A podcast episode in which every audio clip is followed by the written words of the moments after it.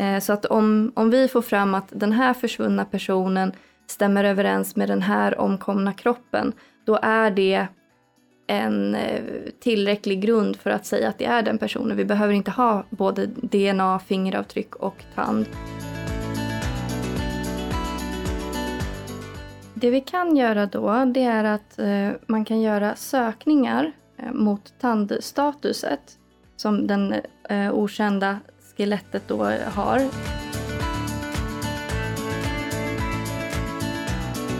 Vid särskilda händelser med, där det är många omkomna eh, så arbetar man systematiskt för att identifiera dem.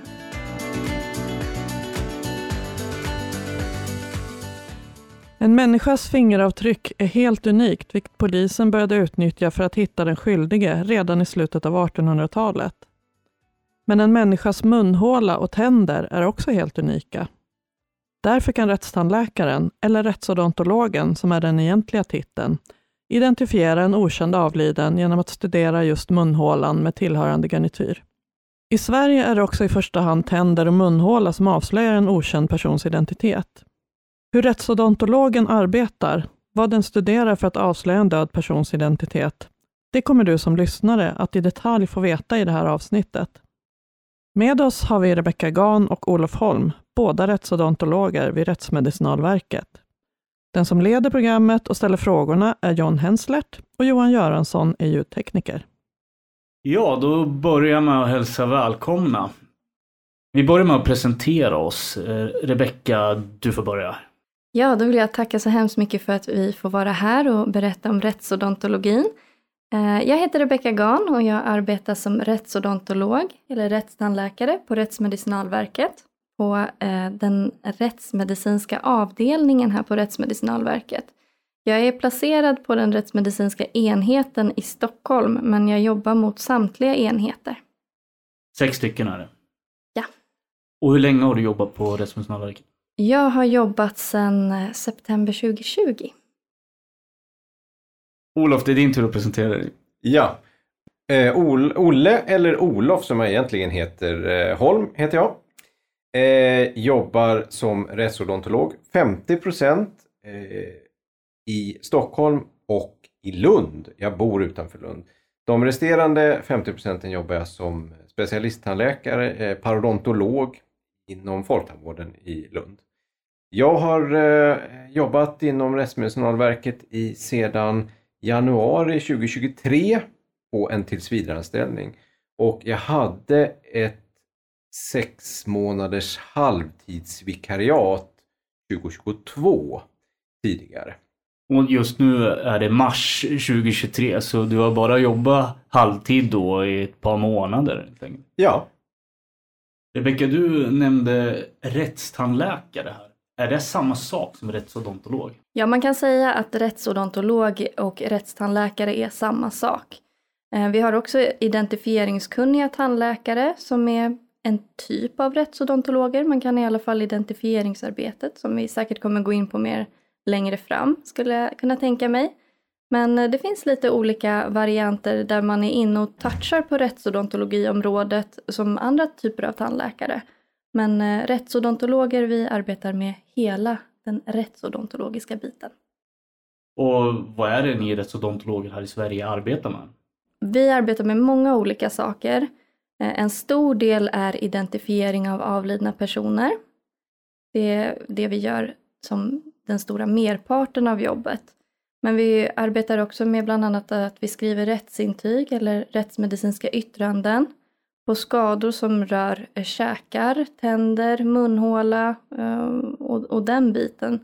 Så om någon till exempel har blivit misshandlad så beskriver vi de skador som personen har fått och om det kommer innebära några bestående men eller liknande. Och dessutom så arbetar vi också med eh, bitmärkesanalyser kan vi få förfrågningar kring åldersbedömningar. Om man behöver göra en medicinsk åldersbedömning så kan eh, tandutvecklingen göra en del i den eh, bedömningen. Det kan också röra sig om eh, arkeologiskt material som man undrar är det här nutida, samtida eller är det här eh, tand, tänder käkar som kommer från väldigt eh, långt tillbaka i tiden som alltså inte är aktuellt för att göra en brottsutredning på Alltså något som har hittats någonstans Ja, i men naturen. precis. Ett skelett som har påträffats någonstans. Det kan ju faktiskt vara från medeltiden eller så. Behöver alla kroppar som kommer in till Rättsmedicinalverket identifieras av er rättsodontologer? Nej, det gör det inte. Utan de flesta kropparna som kommer in till Rättsmedicinalverket är ju redan identifierade, eller rättare sagt har en identitet. Det är i de fallen där man saknar identitet, där det finns frågetecken om en kropp har varit exempelvis ganska hårt åtkommen, den har, och när det finns frågetecken, då ska de identifieras. Men de flesta kropparna som kommer till Rättsmedicinalverket har en identitet och behöver inte träffa oss. Och, och också om polisen känner sig osäkra på identiteten, då kan vi också hjälpa till att identifiera personen så att eh, man, man helt enkelt bekräftar identiteten. Och det är oftast det vanliga, att man har en eh, sannolik identitet på den avlidna personen, men att man helt enkelt behöver bekräfta det på något sätt. Och då är det det vanligaste man och det första man brukar använda sig av, det är tänderna helt enkelt. Okej, på vilket sätt identifieras då en oidentifierad avliden som kommer till Rättsmedicinalverket? Vi, vi röntgar helt tänderna och jämför om möjligt med det materialet som inkommer eller som eh, redan finns. Vad är det för material? Eh, Röntgenmaterial, alltså tandläkarjournal, tandvårdsjournal respektive tandvå- eh, tandröntgenbilder. Det man kan säga lite liksom förenklat är att vi gör en helt vanlig tandläkarundersökning på den avlidna kroppen och sen så jämför vi det med den tandläkarundersökning som har blivit gjord när personen levde. Och väldigt förenklat eh, beskrivet hur den här arbetsgången ser ut och helt enkelt. Men, men vi, vi tittar i munnen och vi tar röntgenbilder och eh, därefter så gör vi jämförelser mellan de här olika eh, materialen som vi har samlat in då. Just det, du pratar om jämförelsematerial. Kan, kan du förklara vad det är? Vad det består av? Ja, för att vi ska lyckas identifiera någon via tänderna eller munhålan, då måste vi ha jämförelsematerial. Och jämförelsematerial, det är sånt som var ifrån när personen levde och gick till tandläkaren. Så det kan vara eh, journalerna från tandläkaren. Väldigt viktigt med röntgenbilder. Vi behöver ofta röntgenbilder för att kunna göra en precis jämförelse. För det är många som har fått en lagning på en, en tand långt bak i munnen på tuggytan. Det är väldigt vanligt. Men har vi en röntgenbild så kan vi jämföra de här bilderna mot varandra. Så där har vi, journalen är jätteviktig också, men den ger oss oftast inte hela bilden, utan vi behöver även röntgenbilder. Sen kan det vara andra saker, det kan vara studiemodeller, alltså gipsmodeller kan hjälpa till. Foton, vanliga fotografier ja, som man tar till exempel när en tand har gått sönder eller i samband med tandreglering, alltså när man ska få tandställning så brukar man ta bilder, eh, fotografier på tänderna. Det kan också vara en hjälp i att identifiera. Men när ert arbete startar, då handlar det ju om en kropp som inte är identifierad. Hur får man tag på rätt jämförelsematerial? Oftast så finns det ju en misstanke om en person i de flesta fallen. En individ som är funnen i skogen exempelvis utan identitetshandlingar, ingenting. Där börjar man kanske på noll. Men oftast så är det en person som är avliden kanske inne i en bostad. Vem äger bostaden eller vem står på kontraktet för bostaden? Eh, och kan utifrån det materialet så, så utgår man från att det är den personen, eller man, det är polisen som utgår ifrån att det är den personen. Och då i sin tur då kontaktar eh, Försäkringskassan i de flesta fallen som i sin tur sitter på den informationen var personen i fråga har varit hos tandläkare exempelvis. Och där utifrån får det materialet och, och begär ut det och, och får materialet och skickar det till oss. Så verkar det vara i de flesta fall. Men om vi går tillbaks till den här kroppen som hittades i skogen utan eh, identitetsmaterial på sig då. Identitetspapper. Det vi kan göra då, det är att eh, man kan göra sökningar eh, mot tandstatuset som den eh, okända skelettet då har. Som vi, vi gör en undersökning på skelettet och sedan kan vi göra sökningar ut efter de fynden som vi får fram på, mot försvunna personer. Så att vi kan göra sökningar och se om det finns någon försvunnen person som skulle kunna matcha i det här fallet. Det är inte alltid det går, men ibland lyckas man med det och då är det ju såklart jätteroligt för att ofta så rör det sig om någon som har varit försvunnen under en lång tid och att då äntligen få ge de anhöriga ett svar på vad som kanske har hänt och förhoppningsvis kan man ju ta reda på då dödsorsak och så vidare. Eh, men det är ju jätteskönt att i alla fall få ett avslut Ehm, om man inte vet vad som har hänt.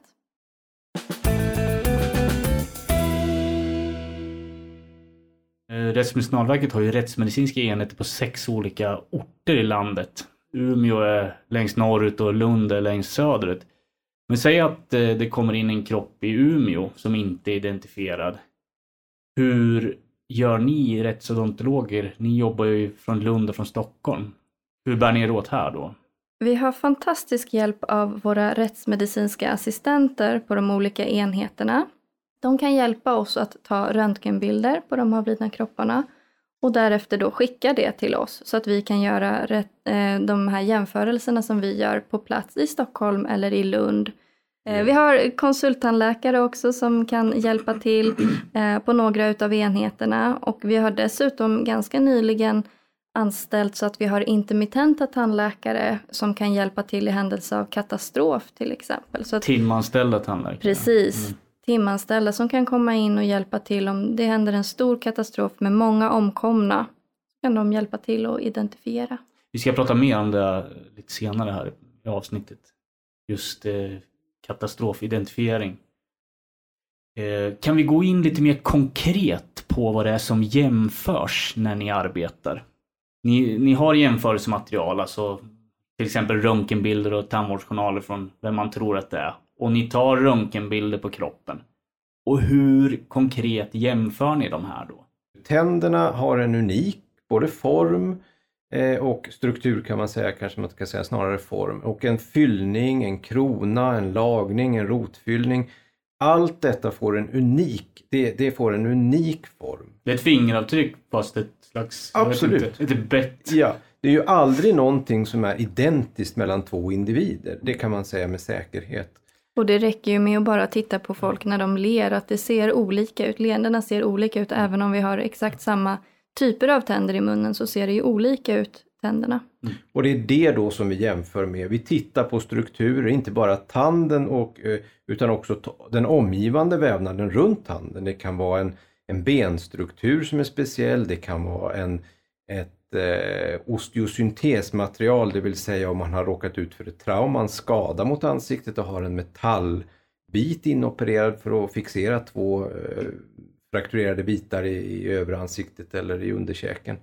Eh, det används som identifieringsmaterial om det finns före eh, när personen lever och när den har eh, avlidit. Tittar på fyllningsmaterial eller på formen av fyllningen snarare.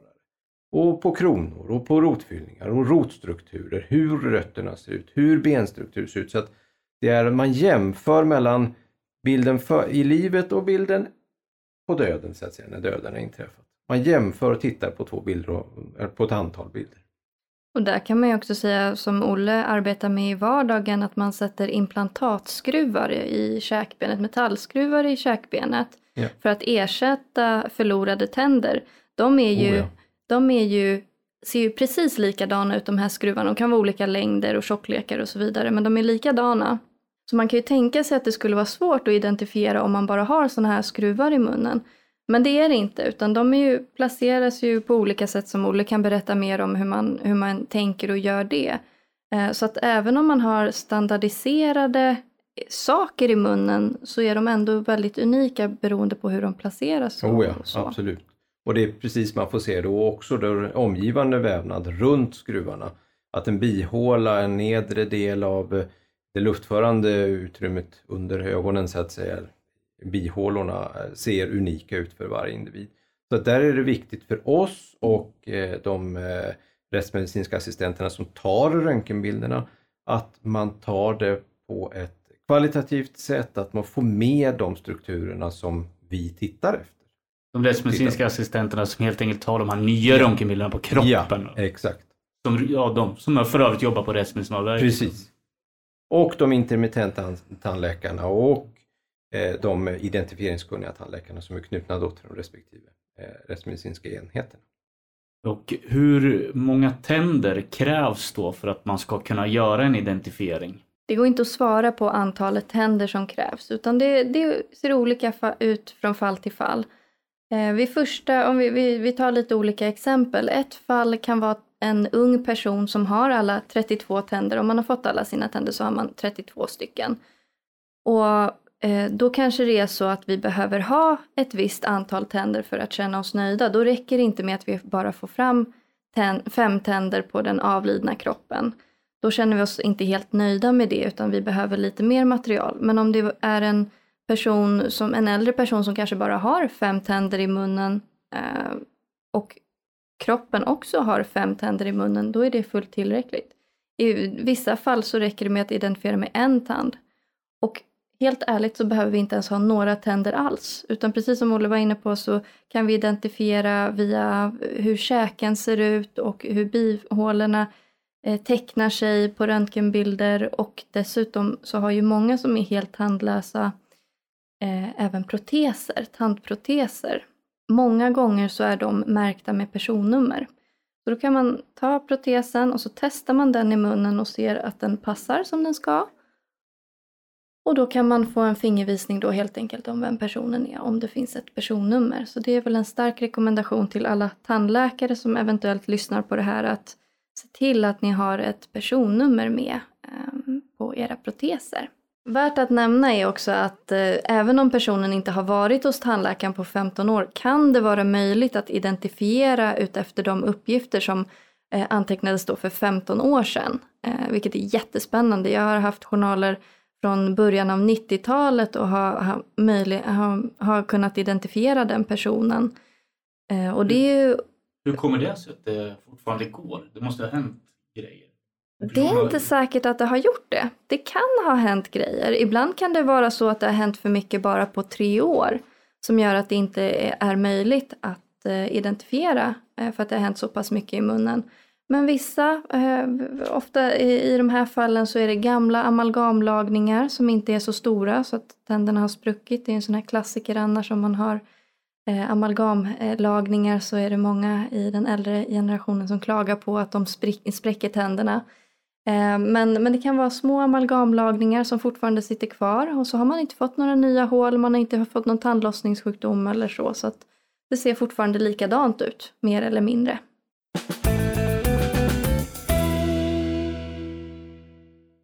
Okej, vi, vi tar ett ärende då, där ni har eh, gjort ert arbete och dragit slutsatser och fått vad ni anser är en identifiering på kroppen. Vad händer då? Då skriver vi en rapport som går iväg till polisen. Och någonting som är viktigt att highlighta lite här det är ju att det är alltid polisen som fastställer identiteten. Vi kan skriva en rapport som visar att, det är ett skalsteg som vi använder, att det visar att det är den eh, saknade personen. Men det är fortfarande polisen som fastställer att den avlidnes identitet. Så vi skriver helt enkelt en rapport som skickas till polisen och sen skickar de tillbaka eh, ett beslut om fastställande av identitet och så får då den här eh, avlidna personen eh, sitt personnummer och namn. Vad händer om rättsodont ni rättsodontologer inte lyckas identifiera en kropp då via tänder och munhåla? Dels så har vi DNA som man kan identifiera med.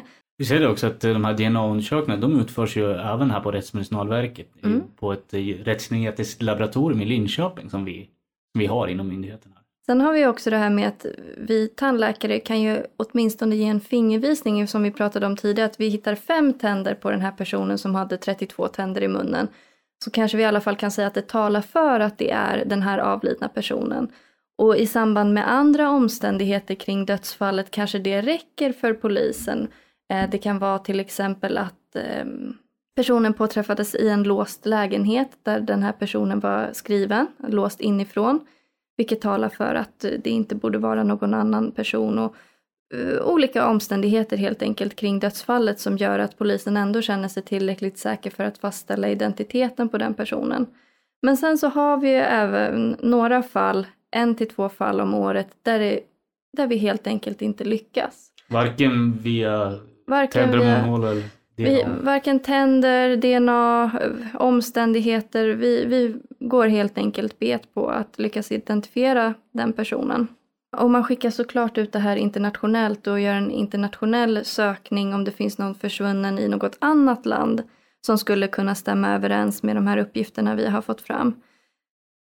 Om inte heller det ger någonting, för där är det ju olika i olika länder beroende på ja, men hur, hur, hur noggrann koll man helt enkelt har på försvunna personer och, och hur det fungerar i olika länder.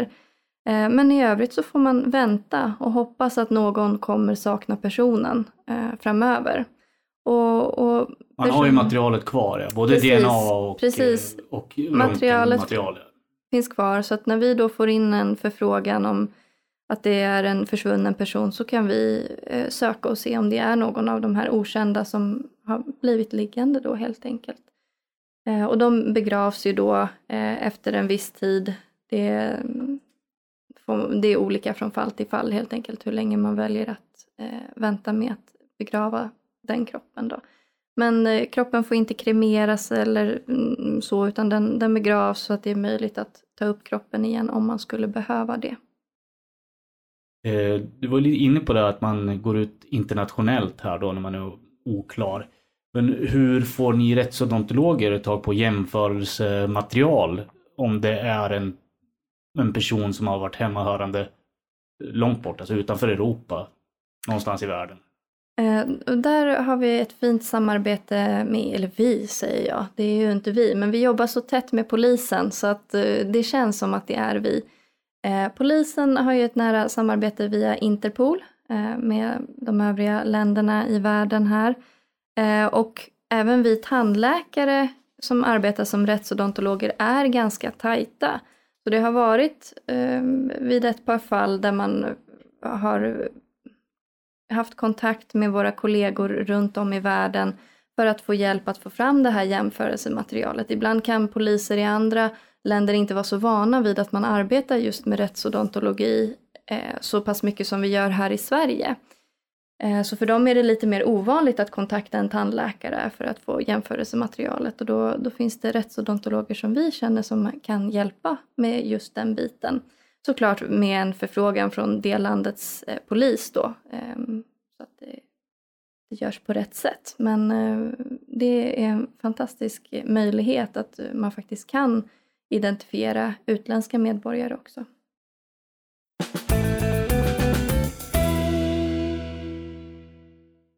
Olof, hur lång tid tar en identifiering?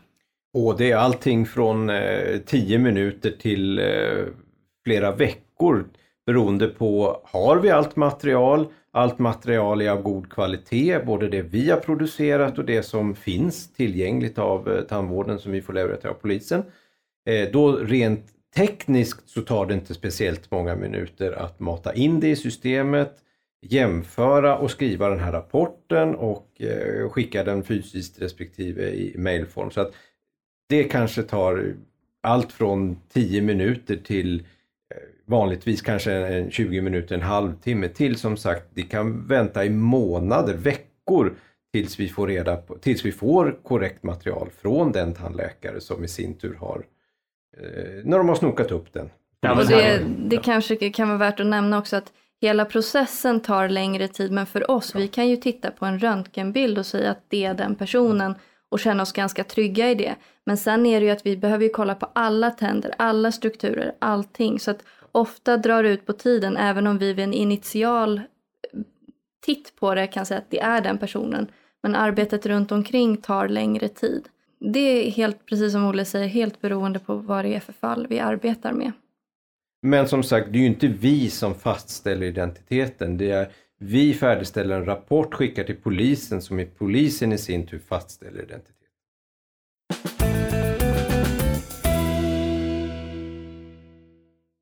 Som rättsodontologer deltar ni ju även i de här internationella samarbeten kring Disaster Victim Identification, DVI som det förkortas.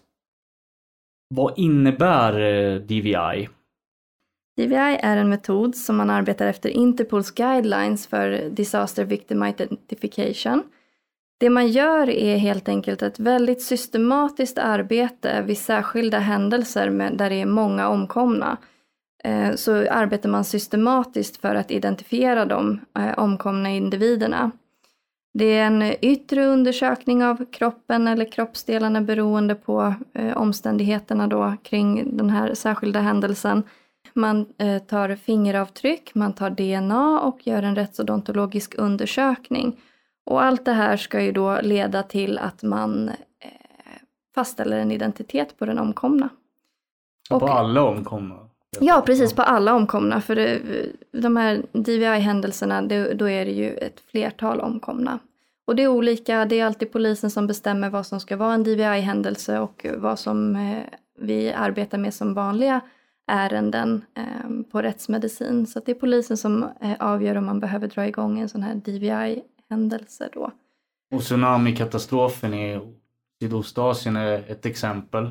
Precis. Men det är ju ett tag sedan nu. Har vi några färskare exempel? Eh, Drottninggatan, terrorattentatet på Drottninggatan. Eh, vi har även haft eh, två stycken eh, flygplanshaverier med fallskärmshoppare som eh, har gått som DVI-händelser. Och Lars Vilks-olyckan, om man räknar i antal från tsunami där det var hundratusentals till den eh, bilolyckan där konstnären Lars Vilks var delaktig där var de väl tre, tre personer. i bilen. Mm. Det var ändå en DVI-händelse. Det bedömdes också som en DVI-händelse. Ja, er uppgift vid DVI-händelser, särskiljer den sig på något vis mot hur ni arbetar i vanliga fall? Alltså, Egentligen inte. Det är några eh, formalia skillnader, att vi arbetar i lite andra eh, dokument. Eh, det man kan nämna också som vi inte har pratat om det är ju att eh, tänder, DNA och fingeravtryck är vad som kallas primary identifiers. Det betyder att de kan stå för sig själva. Eh, så att om, om vi får fram att den här försvunna personen stämmer överens med den här omkomna kroppen, då är det en eh, tillräcklig grund för att säga att det är den personen. Vi behöver inte ha både DNA, fingeravtryck och tand utan det räcker med en av dem, att en av dem visar att det är den personen så, så eh, kan man fastställa identiteten på det. De här händelserna, även om man är professionell och och arbetar med döden varje dag så är det särskilda händelser som, som tar ganska hårt på Du har varit med vid DVI-händelser? Ja, det har jag varit. Eh, jag var bland annat med på eh, flygolyckan i Örebro. Hur många omkomna var det? Det var nio omkomna. Men ni arbetar inte bara med att identifiera döda kroppar utan ni, ni undersöker och eh, arbetar även med levande personer.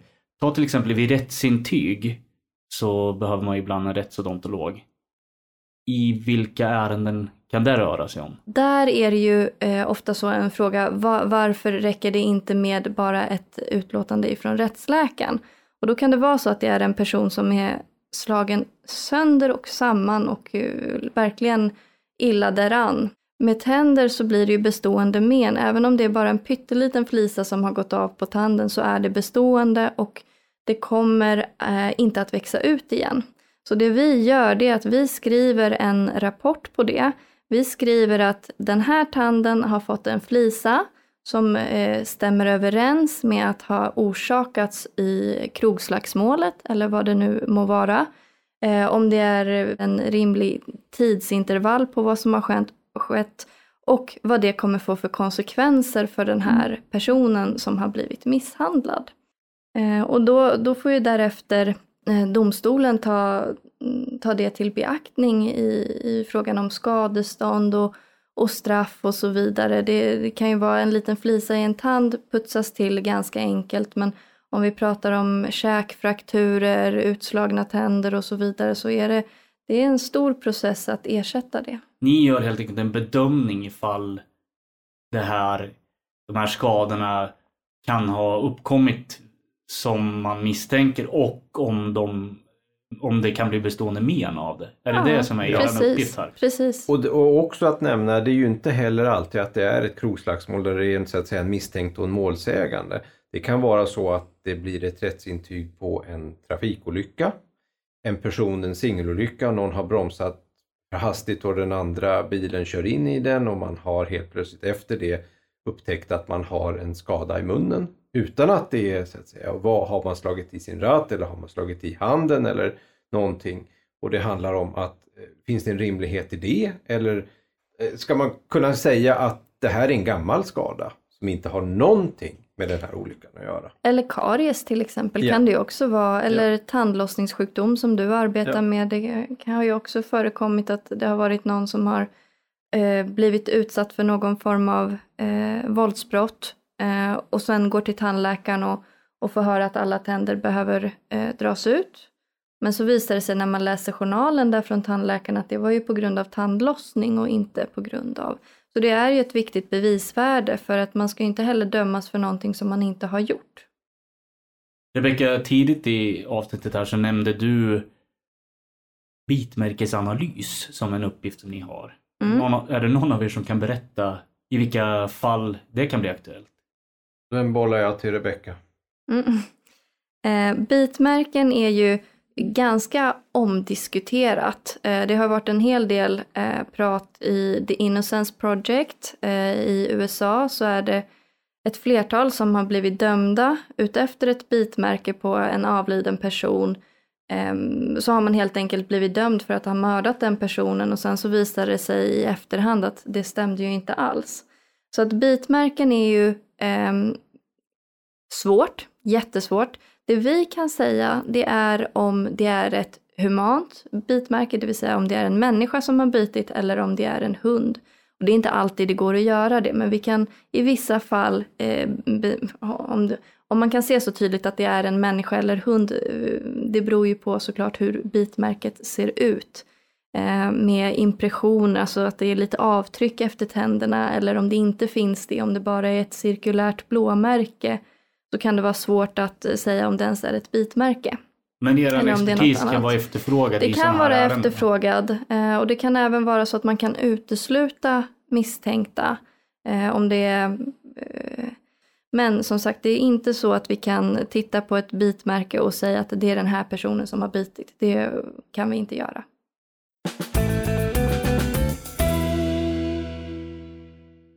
Så hur blir man rättsodontolog? Det finns ingen utbildning till att bli rättsodontolog som det gör till till exempel rättsläkare. Eh, Man får helt enkelt, eh, för att bli rättsodontolog så ska man bli anställd på Rättsmedicinalverket som rättsodontolog. Först av allt måste du naturligtvis vara tandläkare. Ja, precis, absolut. Det är ju grundkravet. Eh, och sen får man helt enkelt, eh, det finns lite olika strökurser man kan gå. Eh, det finns eh, Svensk rättsodontologisk förening som håller olika kurser som man kan gå. Är ni med där? Ja, Ja. såklart. Såklart är vi det.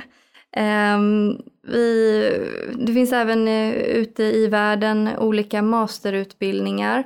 Men där ska man väl kanske vara lite, eh, för det finns utbildningar på två år för att bli rättsodontolog.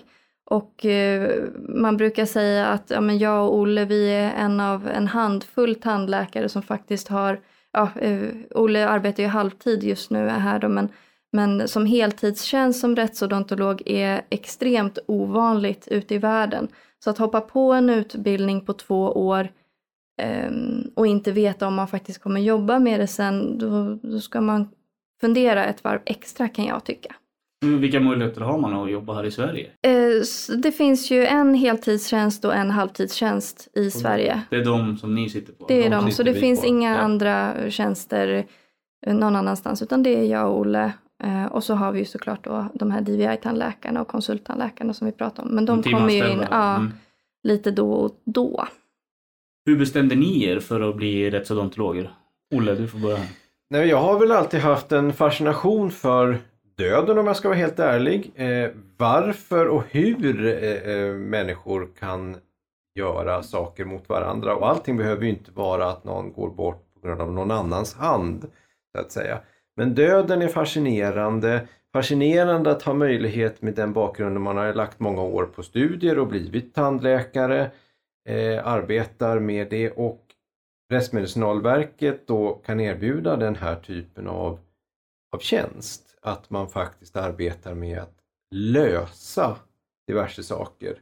Identitet, man kan vara delaktig i den, den teoretiska biten, exempelvis med rättsintyg, att man är faktiskt en, en profession som hanterar att en, lös, en lösning på ett problem som i, i, i min värld är väldigt centralt och just som sagt den här eh, fascinationen för, för det som är så många säkert tycker är både skrämmande och fascinerande och intressant. Och ni, ni jobbar ju inom rättskedjan som rättsodontologer och inte, ja. inte med vård då, som alla andra tandläkare i Sverige Nej. jobbar med.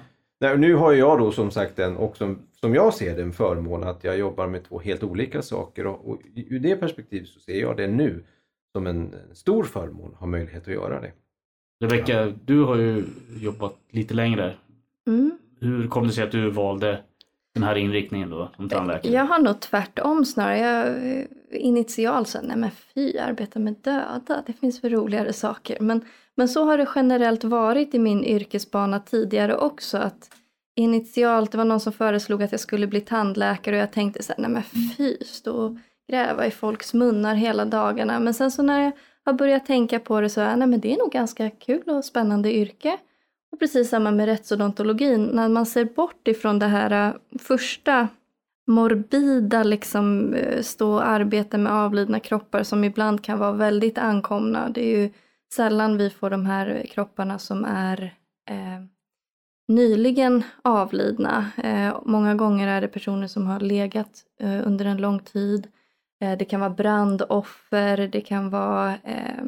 Ehm... Och de är mer svåridentifierade, det är då ja, man då, ser det. Ja, ja, så att eh, för mig var det nog snarare så att eh, spontana tanken var nej fy.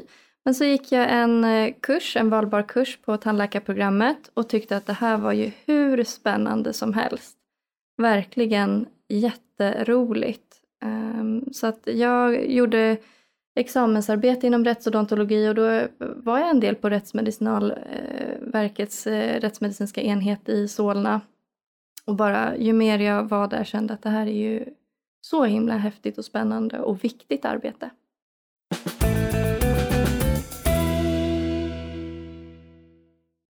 Då har vi kommit fram till den delen i avsnittet då vi sammanfattar vad vi har pratat om här. Då tänkte jag börja med att fråga dig Olle, vad gör en rättsodontolog? Rättsodontologen, i huvudsak så identifier, identifierar vi okända avlidna. Sen ingår det att skriva rättsintyg som rör munhåla. Eh, och det ingår, i, väldigt sällan så ingår det eh, bitmärkesanalyser och åldersbedömning. Hur går en rättsodontologisk identifiering av en avliden till i Sverige? Eh, vi behöver jämförelsematerial ifrån när personen levde och sen så tar vi röntgenbilder och undersöker den avlidna kroppen. Och vi jämför då det materialet vi har fått in från när personen levde med det material som vi har fått fram och eh, skriver därefter en rapport som skickas till polisen som fastställer identiteten. Och rent konkret, de här jämförelserna, hur går de till? Då jämför vi eh, tändernas eh, position i käken, om de har någon fyllning, lagning, rotfyllning, krona, bro och så vidare. För att se om det matchar då med den avlidna personen. Och vad krävs för att den här identifieringen ska lyckas? Att vi har en kropp, att vi har ett jämförelsematerial av god kvalitet, att vi själv då har gjort en undersökning av god kvalitet, det vill säga producerat röntgenbilder, en klinisk undersökning där vi får in det materialet och att vi kan jämföra de här två antemortem, före döden materialet och postmortem, det vill säga efter döden materialet. Vi jämför dem med varandra och att vi har eh, de data som behövs, det vill säga en tandläkarjournal. Och... och med den rapport ni skriver så kan polisen helt enkelt fastställa identiteten? Ja, rimligtvis. Tack så jättemycket för att ni ville komma hit idag och svara på vad en rättsodontolog håller på med. Ja, tack så mycket för att vi fick komma. Ja, tack så hemskt mycket.